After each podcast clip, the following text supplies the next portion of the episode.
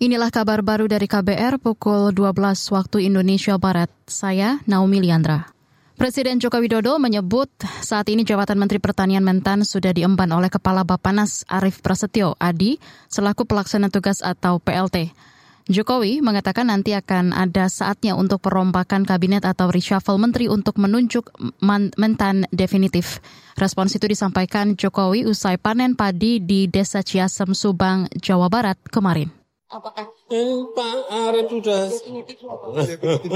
ya nanti lah, oh, sudah ada jadi handle oleh Pak Arief. Sebelumnya dalam beberapa kesempatan Jokowi tak secara tegas menjawab kapan dirinya bakal menunjuk dan melantik mentan definitif pengganti Syahrul Yasin Limpo. Setidaknya ada tiga kali Jokowi menjawab pertanyaan terkait pengganti politikus Nasdem tersebut di kursi mentan. Kementerian Perdagangan meminta Badan Urusan Logistik Bulog segera memaksimalkan penyaluran beras jenis stabilisasi pasokan dan harga pangan SPHP langsung ke masyarakat. Menurut Direktur Barang Kebutuhan Pokok dan Barang Penting Kemendak Bambang Wisnu Broto, upaya itu harus dipastikan berjalan lancar agar ada kepastian stok beras di tingkat pedagang eceran.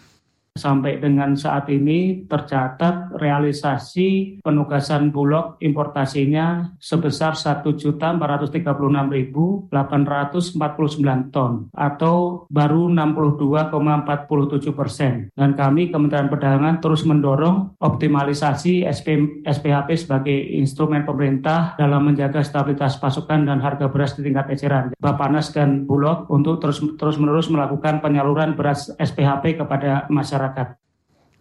Direktur Barang Kebutuhan Pokok dan Barang Penting Kemendak Bambang Wisnu Broto menambahkan pihaknya berjanji untuk terus berupaya menstabilkan harga beras lewat gerakan pangan murah dan operasi pasar.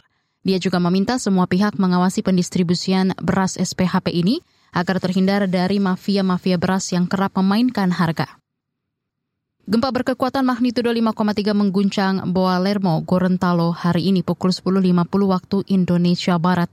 Dilansir antara Badan Meteorologi, Klimatologi, dan Geofisika BMKG mengatakan gempa tidak berpotensi tsunami. Sementara itu pusat gempa berada di 18 km barat daya Boalemo, Gorontalo.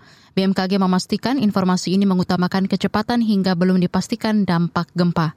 BMKG juga menyebut hasil pengolahan data belum stabil dan bisa berubah seiring kelengkapan data.